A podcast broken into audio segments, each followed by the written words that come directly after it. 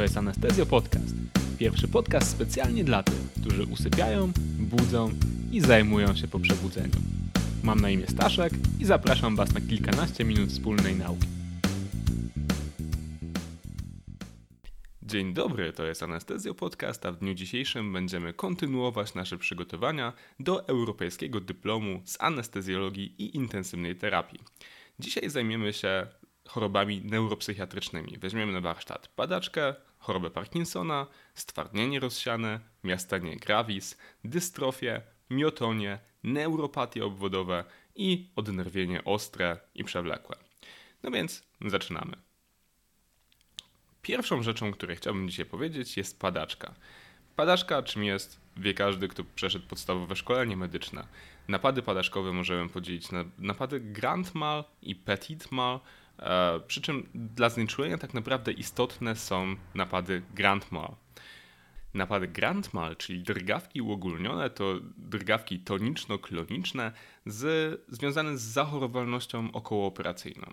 Przyczyny padaczki mogą być idiopatyczne, zwłaszcza jeśli następuje odstawienie leków, mogą być związane ze znieczuleniem ogólnym, mogą być związane z przedawkowaniem leków miejscowo znieczulających, ale także z odchyleniami metabolicznymi u pacjenta, z abstynencją albo z zabiegami, które odbywają się wewnątrz czaszki.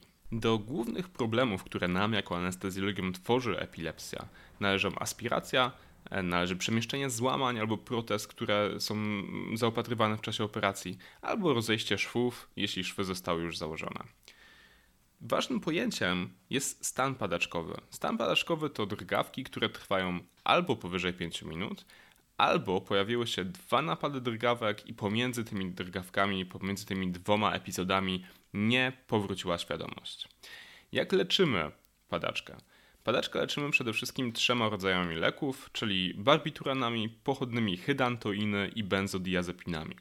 Podczas znieczulenia wszystkie te leki, które pacjent bierze przewlekłe, przewlekle, powinny mieć w surowicy krwi poziom terapeutyczny. Należy pamiętać też o tym, że te leki mogą interagować ze środkami znieczulenia, zarówno ogólnego, jak i miejscowego, które stosujemy. I teraz pokrótce omówimy sobie te grupy leków, które mogą być stosowane.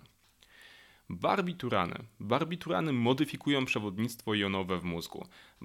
Modyfikują przewodnictwo sodu, wapnia i chloru, działając na receptor GABA, GABA A dokładnie, ale są niezależne od GABA. Zwiększają one po prostu częstotliwość otwarcia kanałów chlorkowych w tych receptorach GABA. Fenobarbital działa hamująco na układ limbiczny, na twór siatkowaty i na podwzgórze, upośledzając przekazywanie impulsów z tych wszystkich struktur do kory, czyli blokuje prze, prze, przekaźnictwo impulsów między poszczególnymi strukturami mózgowia. Pochodne hydantoiny. Do takiego przykładu zaliczamy tutaj fenytoinę, która jest stopniowo wycofywana, no bo ma niski czy też wąski indeks terapeutyczny, czyli jest lekiem stosunkowo niebezpiecznym. Także ten lek będzie hamował prąd sodowy, E, który z kolei wpływa oczywiście na potencjał czynnościowy, a więc te leki pochodne hydantoiny, np. fenytoina, przyczyniają się do stabilizacji błony komórkowej i podwyższają próg drgawkowy. Kolejnym lekiem jest kwas walproinowy, czyli walproinian. Ten lek również działa przez kwas gamma-aminomasłowy, a konkretnie zwiększa jego ilość poprzez hamowanie rozkładu i wychwytu zwrotnego tego kwasu. Natomiast dokładny mechanizm działania tego leku należy cały czas do tych niepoznanych. Pochodne benzodiazepin to leki, z którymi jako anestezjolodzy znamy się chyba najlepiej z tych wszystkich. Działają na receptory benzodiazepinowe i poprzez Zwiększenie powinowactwa do GABA mają wpływ na kanały chlorkowe, które z kolei powodują hiperpolaryzację błony komórkowej, czyli mamy trudniejsze pobudzenie tych komórek nerwowych. Kolejnym lekiem, które mogą przewlekle brać chorzy na padaczkę jest lewetiracetam, który jest lekiem o niedokładnie poznanym mechanizmie działania. Co jednak o nim wiadomo, to to, że łączy się z pęcherzykami błony presynaptycznej i prawdopodobnie hamuje ich uwalnianie, czyli hamuje uwalnianie neurotransmitera, który nie może połączyć się z błoną postsynaptyczną, w związku z czym nie dochodzi do przebudzenia. Jakie są zatem fazy leczenia chorego, które, który przychodzi do nas z padaczką? Po pierwsze, wstępny assessment, czyli ocena, zebranie wywiadu, zobaczenie, czy w ogóle ten pacjent jeszcze e, cały czas ma drgawki, czy nie. Po drugie, Wstępne leczenie farmakologiczne i korekcja ewentualnych zaburzeń metabolicznych. Tak jak mówiliśmy, zaburzenia metaboliczne mogą powodować czy wyzwalać napad padaczki, napad drgawkowy. Jeśli natomiast mamy do czynienia z pacjentem, który drga właśnie teraz, którego przywieźli do nas, żebyśmy z nim zajęli, to podajemy mu lorazepam albo podajemy 0,1 mg na kilogram, to jest dawka w szczególności w stosunku do dzieci odpowiednia, albo podajemy 4 mg po maksymalnie 2 mg na minutę. Można to ewentualnie powtórzyć, jeśli e, brak jest efektu, a jeśli pacjent nie ma dostępu dożylnego i nie możemy mu tego dostępu dożylnego założyć, to podajemy domięśniowo midazolam w dawce 10 mg. Do drugiego dostępu możemy podać te leki, które pacjent generalnie bierze na co dzień, takie jak e, fosfenytoinę, fenytoinę, valproinian, levetiracetam. I w drugim rzucie możemy stosować albo fosfofenytoinę, albo inny lek pierwszego rzutu, który dotychczas nie został zastosowany. Pacjenta w drugim rzucie, jeśli nie reaguje na te leki, często trzeba zaintubować. To, czego nie robimy u pacjenta z padaczką, mimo że ma na przykład Glasgow 3, to jest wczesna intubacja u pacjenta, który w wywiadzie ma napady padaczkowe i one wyglądają dokładnie tak samo jak w tym momencie. Czyli w, taki, w przypadku takiego pacjenta można chwilę poczekać, natomiast trzeba liczyć się z tym, że być może zaistnieje kolejno, konieczność zaintubowania takiego pacjenta. Jeśli ten, ten napad drgawek jest oporny, czyli nie zareagował na leczenie drugiego rzutu, należy wykonać EEG i podać jeden z trzech leków. Albo midazolam 0,2 mg na kilogram dożylnie, podawany po 2 mg na minutę, i kiedy drgawki już ustąpią, rozpocząć wlew ciągły 0,1 mg na kilogram na godzinę, miareczkować do ustąpienia. Lub też drugim, drugą naszą możliwością jest propofol, który jest dobrym lekiem przeciwdrgawkowym, który możemy podać w 1 do 2 mg na minutę z infuzją 4 albo więcej mg na kilogram na godzinę. Pentobarbital 5 mg na kilogram, a w razie potrzeby można go też powtarzać i też można podłączyć infuzję z przepływem 1 do 5 mg na kilogram na godzinę. Czyli na oporny atak padaczki mamy generalnie trzy główne leki: midazolam, propofol albo pentobarbital i w przypadku każdego z nich najpierw podajemy dawkę wysecającą, a następnie podajemy pompę, żeby ten efekt podtrzymać. No i ostatnim tematem do omówienia w kontekście padaczki jest to, jak u takiego pacjenta, który padaczkę ma, wykonywać znieczulenie. Jeśli chodzi o leki przeciwpadaczkowe, które przyjmuje on na co dzień, to powinien ostatnią dawkę przyjąć w dniu zabiegu. Ewentualnie, jeśli pacjent e, nie będzie mógł przyjmować leków po operacji i wiemy o tym, ponieważ przed operacją i po operacji na przykład nie może przyjmować leków ze wskazań chirurgicznych, to e, możemy przejść przejściowo na leczenie dożylne, czyli te same leki podawać w odpowiedniej dawce dożylnej. Jeśli chodzi o mm, leki stosowane w znieczuleniu ogólnym, to niektóre leki, tak jak na przykład enfluran, który jest już coraz rzadziej stosowany, mają, e, mają mm, właściwości prodrgawkowe. Nie jest do końca pewne, co się dzieje z ketaminą. Można znaleźć kilka prac, które mówią o tym, że zastosowanie ketaminy u takich chorych jest bezpieczne, natomiast e, wielu też autorów zwraca uwagę na to, że ketamina w różnych przypadkach może wyzwalać drgawki i dlatego na wszelki wypadek sugerują, żeby jej nie stosować. Leki przeciwpadaczkowe, o czym warto pamiętać, są induktorami enzymatycznymi, czyli kiedy robimy znieczulenie, możemy liczyć się z tym, że mogą one interagować z lekami, których używamy. I nasze leki mogą być metabolizowane w trochę inny sposób. Warto jest po prostu miareczkować je do efektu. Hiperwentylacja obniża próby drgawkowe. To oznacza, że pacjent, który hiperwentyluje, będzie łatwiej wpadał w drgawki. Dlatego należy unikać hiperwentylacji zarówno spontanicznej pacjenta, jak i związanej z wentylacją mechaniczną. Drgawki w czasie znieczulenia ogólnego występują najczęściej przy wyprowadzaniu ze znieczulenia. Jeśli tak się dzieje, albo nawet profilaktycznie zalecają niektórzy, można podać małą dawkę diazepamu albo lorazepamu. I no i bardzo ważne jest to, że zwłaszcza kiedy znieczulenie ogólne trwa długo, jest związane z dużą utratą krwi i z dużą podażą płynów, to może okazać się, że pacjent z krwią traci lek, a my w płynach go nie podajemy. W związku z tym będziemy prowadzili do tego, że stężenie terapeutyczne leku we krwi jest zaburzone. Naszym zadaniem jest to, żeby to stężenie było zachowywane przez czas operacji, ponieważ tylko wtedy ten pacjent jest dobrze chroniony przed nawrotem drgawek. Dlatego odpowiednie stężenie terapeutyczne leków przeciwpadaczkowych to jest absolutnie kluczowa rzecz przy zabiegach z dużą utratą krwi i warto jest na to zwrócić uwagę, warto jest e, zobaczyć też, czy wasze laboratorium w ogóle umożliwia oznaczenie stężenia leków przeciwpadaczkowych e, na CITO.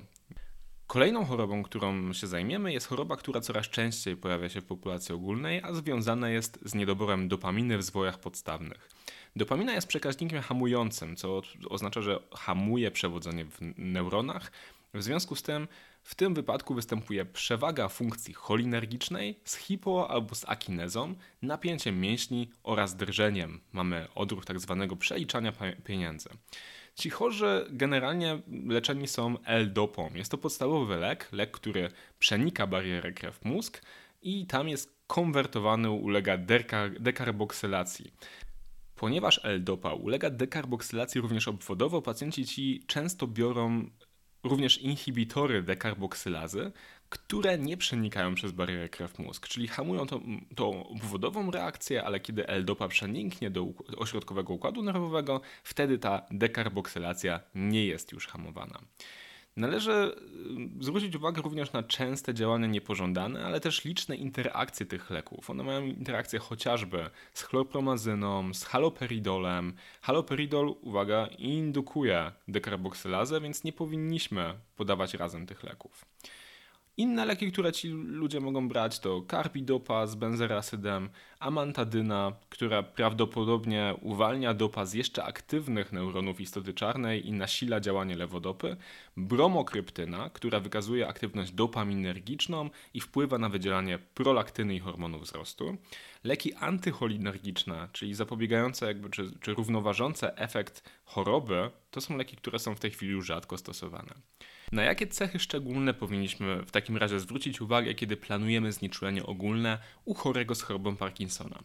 Więc po pierwsze, chory może mieć objawy z układu oddechowego i pokarmowego, co zwiększa oczywiście ryzyko aspiracji. Dlatego bardzo ważne jest to, żebyśmy w czasie wywiadu zapytali o te objawy, które mogą wskazywać nam na to, że ryzyko aspiracji będzie zwiększone, na problemy z połykaniem chociażby. Należy nie odstawiać leków, ponieważ nagłe odstawienie lewodopy powoduje sztywność klatki piersiowej i zaburzenia oddechowe, więc ważne jest to, żeby ten pacjent lewodopę brał właściwie już do samego dnia operacji. Ci pacjenci często mają hipowolemię i warto jest ocenić status wolemii zanim ten pacjent znajdzie się w sali operacyjnej, ewentualnie wyrównać go już przed operacją. I ważne jest też to, żebyśmy tych pacjentów monitorowali pooperacyjnie. Oni mogą mieć zatrzymanie moczu, mogą mieć lekką niedrożność jelit, mogą mieć powikłania płucne. To wszystko związane jest z siłą mięśniową, z hipo albo z akinezą i należy zwrócić uwagę na to, żeby ryzyko tych powikłań podczas operacji i po operacji było jak najmniejsze. Ruszamy teraz z następnym tematem, czyli ze stwardnieniem rozsianym. Czym jest stwardnienie rozsiane? Jest to choroba, o której dużo się słyszy i relatywnie rzadko się spotyka, ale kiedy już się spotyka, to zawsze następuje taki moment zastanowienia, czy ja właściwie w tym wypadku muszę robić coś inaczej. Stwardnienie rozsiane jest to rozsiany, jak sama nazwa wskazuje, proces demielinizacyjny ośrodkowego układu nerwowego. Następują zaburzenia przewodnictwa nerwowego, które mogą być różnego stopnia.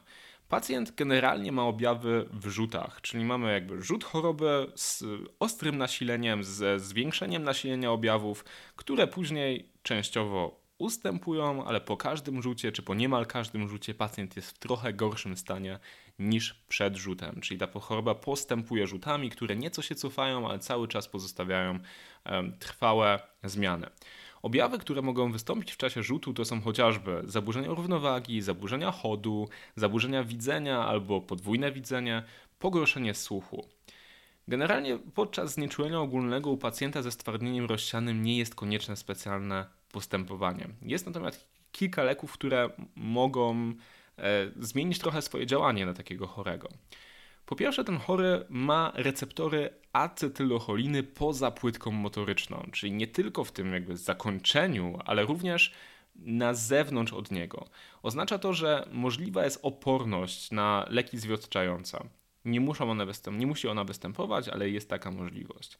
Niektórzy chorzy, którzy mają stwardnienie rozsiane, mogą być leczeni sterydami albo adrenokrytykotropiną. Ci chorzy oczywiście muszą dostać od nas odpowiednią suplementację, żeby w czasie operacyjnym nie zabrakło im hormonów sterydowych. Zwykle u takich chorych nie będziemy stosowali znieczulenia regionalnego. Nie ma żadnych badań, które wskazywałyby na to, że znieczulenie regionalne zwiększa częstość rzutów albo prowadzi do pogorszenia funkcji neurologicznej u tych pacjentów. Natomiast nieczęsto przeprowadzamy znieczulenie regionalne, ponieważ pojawiają się wątpliwości natury prawnej. Technicznie założenie znieczulenia zewnątrzoponowego do porodu jest w porządku. Natomiast należy powiedzieć tej ciężarnej, która będzie takie znieczulenie zewnątrzoponowe albo podpajęczynówkowe do porodu łamane przez y, cięcia cesarskiego otrzymywać, że sam poród jest niezależnym czynnikiem ryzyka wystąpienia kolejnego rzutu. Więc może pojawić się rzut, który jest związany z porodem, ale on nie jest związany ze znieczuleniem zarówno ogólnym, jak i ze znieczuleniem przewodowym. Kolejna jednostka chorobowa, która ma bardzo duży wpływ na znieczulenie ogólne, to jest miastenia gravis. Miastenia gravis wiąże się z obecnością przeciwciał, które powodują osłabienie mięśni, które to osłabienie może w ekstremalnych przypadkach być znaczne. E, a więc zmienne osłabienie mięśni, głównie z jąder ruchowych pnia mózgu, czyli mięśni przede wszystkim twarzy, oczu, rzucia albo mięśni związanych z połykaniem, języka, co jest charakterystyczne dla, tych, e, dla tej choroby, to jest to, że osłabienie następuje w czasie pracy i ustępuje w spoczynku, czyli chory, który o chwilę odpocznie, będzie miał z powrotem lepszą siłę mięśniową w tych mięśniach, które są dotknięte chorobą. Charakterystyczne jest także to, że pacjent poprawia się po podaniu Patogeneza tej choroby jest następująca. U chorego występują przeciwciała, które są przeciwciałami przeciwko receptorom acetylocholiny. Te receptory zostają uszkodzone przez przeciwciała.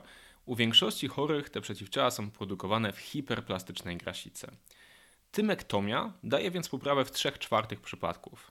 Objawy mogą postępować powoli, ale mogą też postępować piorunująco i być oporne na leczenie. Ci chorzy generalnie przyjmują jeden z trzech leków.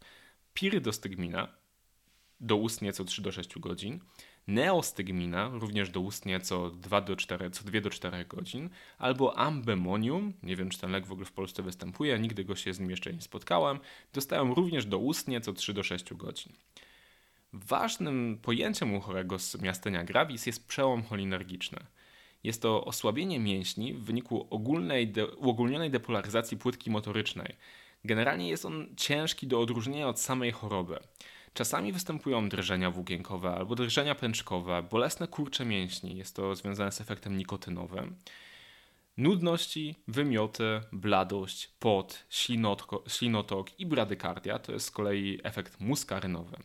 Także generalnie właśnie ten efekt muskarynowy często służy do tego, żeby odróżnić przełom cholinergiczny od osłabienia mięśni w wyniku samej choroby. Więc jeśli podejrzewasz, że mo pacjent może mieć przełom cholinergiczny, natomiast nie ma on w danym momencie objawów muskarynowych, to możesz podać 1 do 2 mg edrofonium, e, ale tylko wtedy, kiedy masz możliwość wentylacji mechanicznej. Jeśli pacjent nie odpowiada na to poprawą, to raczej ma przełom cholinergiczny, wtedy poprawnym leczeniem jest podanie 0,5 czy 0,6 mg atropiny dożylnie. Ten pacjent, taki, który ma miastenia gravis, może dostawać też glikokortykosteroidy. Jest to leczenie trzeciego rzutu. Pierwszym rzutem jest tymektomia, drugim podanie acetylo, inhibitorów acetylocholinoesterazy i trzecim rzutem dopiero jest podawanie sterydów, które mają zapobiegać produkcji przeciwciał. Ci pacjenci mogą dostawać nawet 40, mogą nawet dostawać 100 mg prednizolonu na dzień, czyli są znacznie powyżej progu, który usprawiedliwiałby suplementację hormonów sterydowych w czasie operacji. Miastenia gravis jest klasyfikowana według tzw. Tak klasyfikacji Ossermana. Ten, ta klasyfikacja ma cztery główne poziomy.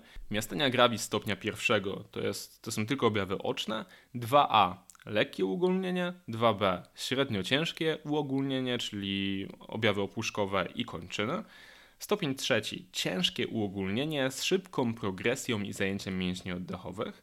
I stopień czwarty jak wyżej, czyli również ciężkie uogólnienie z szybką progresją i zajęciem mięśni oddechowych, ale tutaj przebieg od poziomu pierwszego albo drugiego musi nastąpić w ciągu dwóch lat. Jeśli występuje on aż tak szybko, to mamy do czynienia z poziomem czy ze stopniem czwartym w klasyfikacji Ossermana. No i to, co tygryski lubią najbardziej, czyli sama anestezja w kontekście, w kontekście miastania gravis. Jakie są zagrożenia? Zagrożeniem jest oczywiście ostre pogorszenia, zagrożeniem jest wystąpienie tego przełomu cholinergicznego, o którym mówiliśmy, chociaż jest to bardzo rzadkie zdarzenie. I zagrożenie jest takie, że bardzo trudno jest przewidzieć, jak zadziałają zwioty, które podamy temu pacjentowi. Więc zacznijmy od początku. Przychodzi do nas pacjent z miastenią i mówi, że chce zostać operowany, albo może, że nie chce, ale że musi, chociażby leczeniem pierwszego rzutu, czyli tymektomią. Przed operacją jeśli mamy stabilnego pacjenta, znieczulanego do elektywnej operacji, w tym też to, tymektomii, należy podawać dalej inhibitory acetylcholinesterazy. Co do tego generalnie nie ma zgody. Frezenius mówi na przykład zmniejsz o 20% albo odstaw, bo lepszy jest pacjent lekko miasteniczny niż cholinergiczny. Up to date natomiast mówi podawaj z trzema wykrzyknikami. E, opierają się na, badanie, na badaniu, które było prowadzone w Indiach na 14 przypadkach. 7 odstawiło, 7 nie. 3 na 7 odczuwało już słabość e, w, w pokoju przygotowawczym do operacji. Mm, natomiast dwie z tych trzech osób wymagały e, podania ratunkowego neostygminy. Z grupy biorącej neostygmina, czyli z tych innych siedmiu osób, e, generalnie później zaczynały działać leki zwietrzające mięśnie i większa dawka była potrzebna.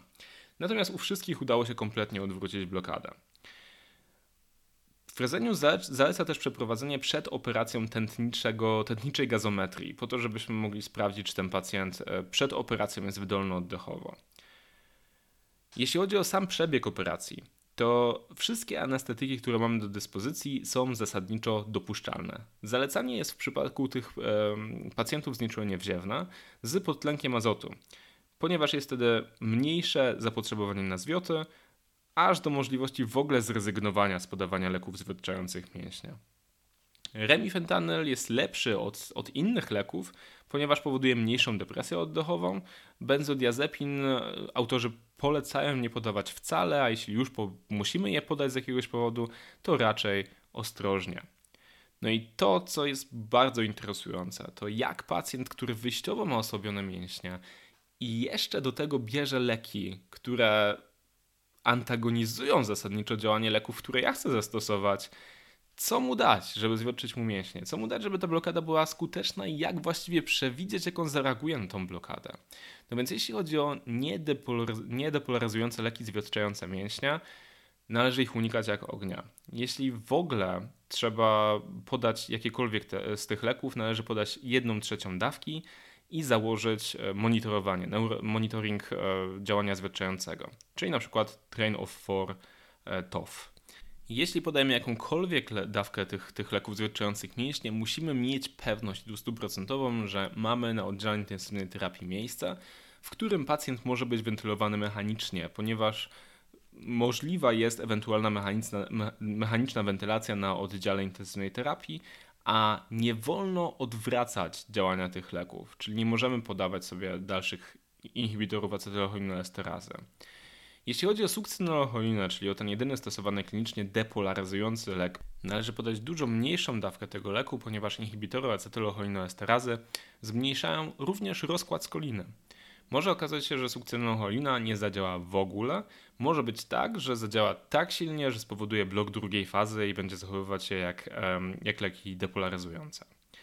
Nadzór pooperacyjny najlepiej na oddziale intensywnej terapii ze względu na to, że ten pacjent po prostu może potrzebować wspomagania wentylacji w okresie pooperacyjnym. Jeśli będziesz przeprowadzać znieczulenie do tymektomii, to Pamiętaj o tym, żeby zapewnić sobie dostęp do żylny w stopie. Możliwe jest bowiem uszkodzenie żyły głównej górnej podczas operacji. Po tymektomii podajemy dalej inhibitora acetylcholinesterazy, ewentualnie można stopniowo zmniejszać dawkę w zależności od tego, jakie objawy prezentuje pacjent w danym momencie. Podobne do miasteni, choć nie takie same, są tak zwane zespoły miasteniczne. Tak jak mówiłem, jest to podobna historia, a najbardziej znanym z zespołów miastenicznych jest zespół Lamberta i Tona. W tym wypadku występują przeciwciała przeciwko kanałom wapniowym presynaptycznie, co powoduje mniejsze uwalnianie acetylocholiny i upregulation na błonie postsynaptycznej, czyli mamy więcej receptorów, które mogą łączyć się z tą małą ilością acetylocholiny, która jest dostępna. W czasie wysiłku następuje tutaj częściowa poprawa I ci pacjenci bardzo szybko i, bardzo silnie reagują na leki zwiotczające mięśnie. Czyli miastenia generalnie podczas wysiłku robi się coraz, coraz gorzej, natomiast zespół Lamberta i Tona, kiedy już zostanie uwolniona ta acetylcholina do szczeliny synaptycznej, coraz lepiej i lepiej i lepiej. Czyli pacjent na początku jest słaby, a później jego ruchy są coraz silniejsze.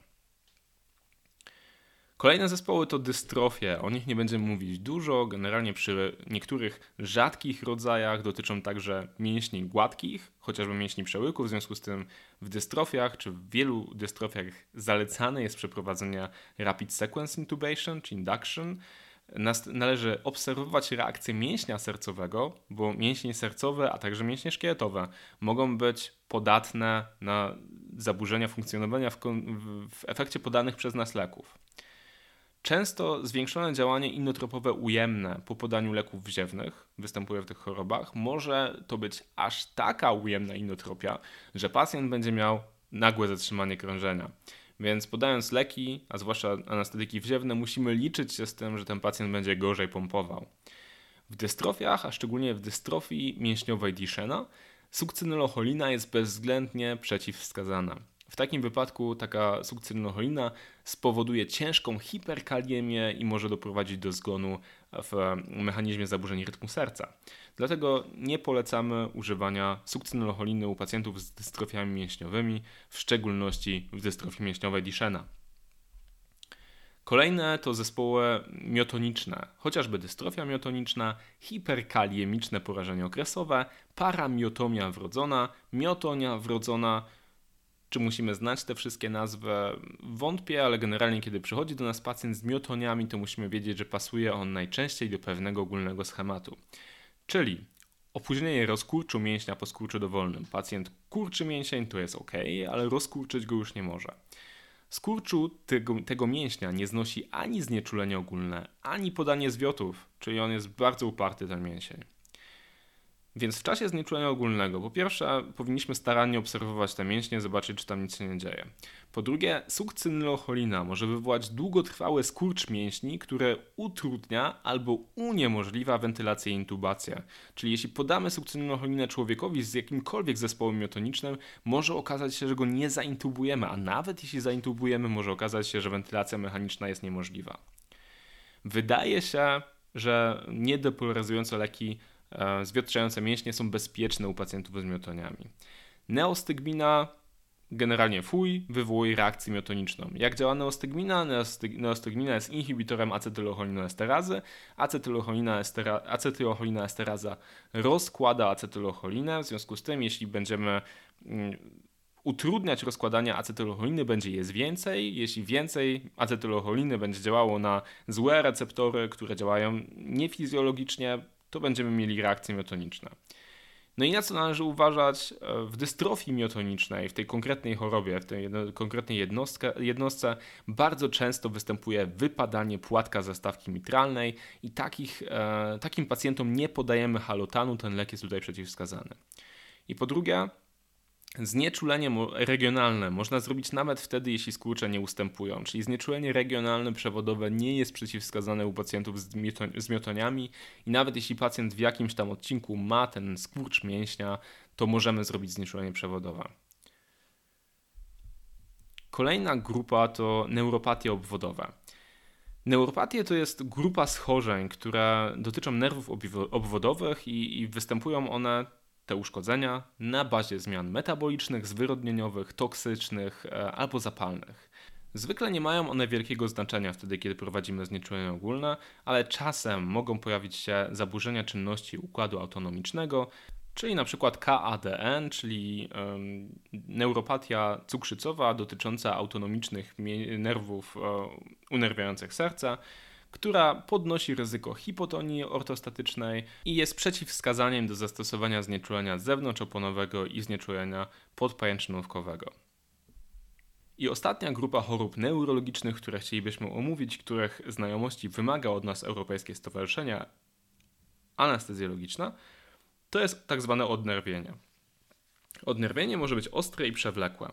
Odnerwienie ostre, czyli takie, które zdarzyło się niedawno, Sugerujemy w tym wypadku, żeby unikać sukcynylocholiny, bo może być w tym momencie hiperkaliemia i występuje również częściowa oporność na leki niedepolaryzujące.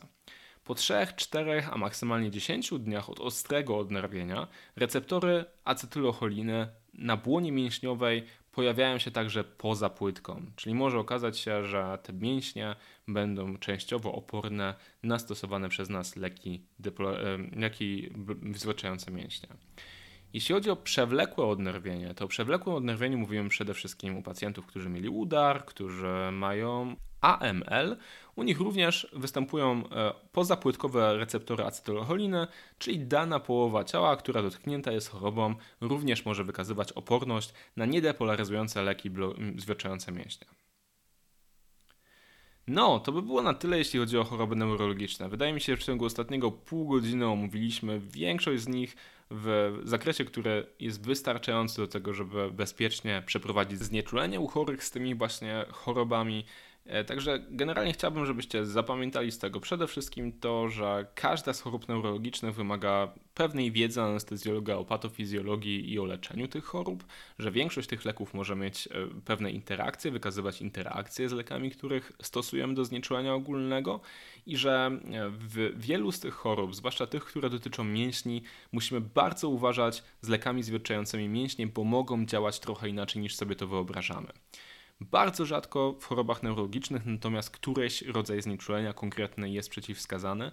E, znieczulenie ogólne możemy zastosować zawsze, natomiast, natomiast jeśli chodzi o znie, znieczulenie przewodowe, to jest ono przeciwwskazane głównie w mm, stwardnieniu rozsianym, gdzie jest przeciwwskazane przede wszystkim z przyczyn prawnych, natomiast u większości pozostałych chorych można przeprowadzić takie znieczulenie nie ryzykując pogorszenia funkcji neurologicznej. Pamiętaj jednak, że przeprowadzenie znieczulenia to nie tylko wskazania i przeciwwskazania, ale też, a może przede wszystkim, świadoma decyzja chorego, dlatego należy mu przedstawić wszystkie za i przeciw w zależności od ogólnej wiedzy, którą mamy i którą możemy zdobywać, przygotowując się również do znieczulenia konkretnego pacjenta. Także pamiętajcie o tym, żeby zwłaszcza w przypadku rzadkich chorób nie zawsze próbować polegać na wiedzy, którą gdzieś tam mamy z tyłu głowy i o którą, do której mamy dostęp nawet o tym nie myśląc, ale spróbować aktywnie przywołać e, wiedzę, a być może też aktywnie przywołać podręczniki albo chociażby zalogować się właśnie do UpToDate, e, w którym możemy bez żadnego problemu sprawdzić, jak znieczulać w danej jednostce chorobowej. Także polecam ze swojej strony. Wiele szpitali ma dostęp do UpToDate ze, ze stron szpitalnych. Natomiast jeśli nie, to jestem pewien, że też znajdziecie sposób. Dzięki Wam za wysłuchanie. To był Anestezjo Podcast. Jeszcze raz dziękuję wszystkim, którzy wspierają tworzenie naszego programu poprzez zostanie naszymi patronami na patronite.pl. Zapraszam Was na stronę internetową www.anestezjopodcast.pl, na której możecie znaleźć wszystkie pozostałe odcinki naszego podcastu. Znajdziecie je również w Waszym ulubionym programie do słuchania podcastów. Zapraszam Was na kolejne odcinki i do usłyszenia.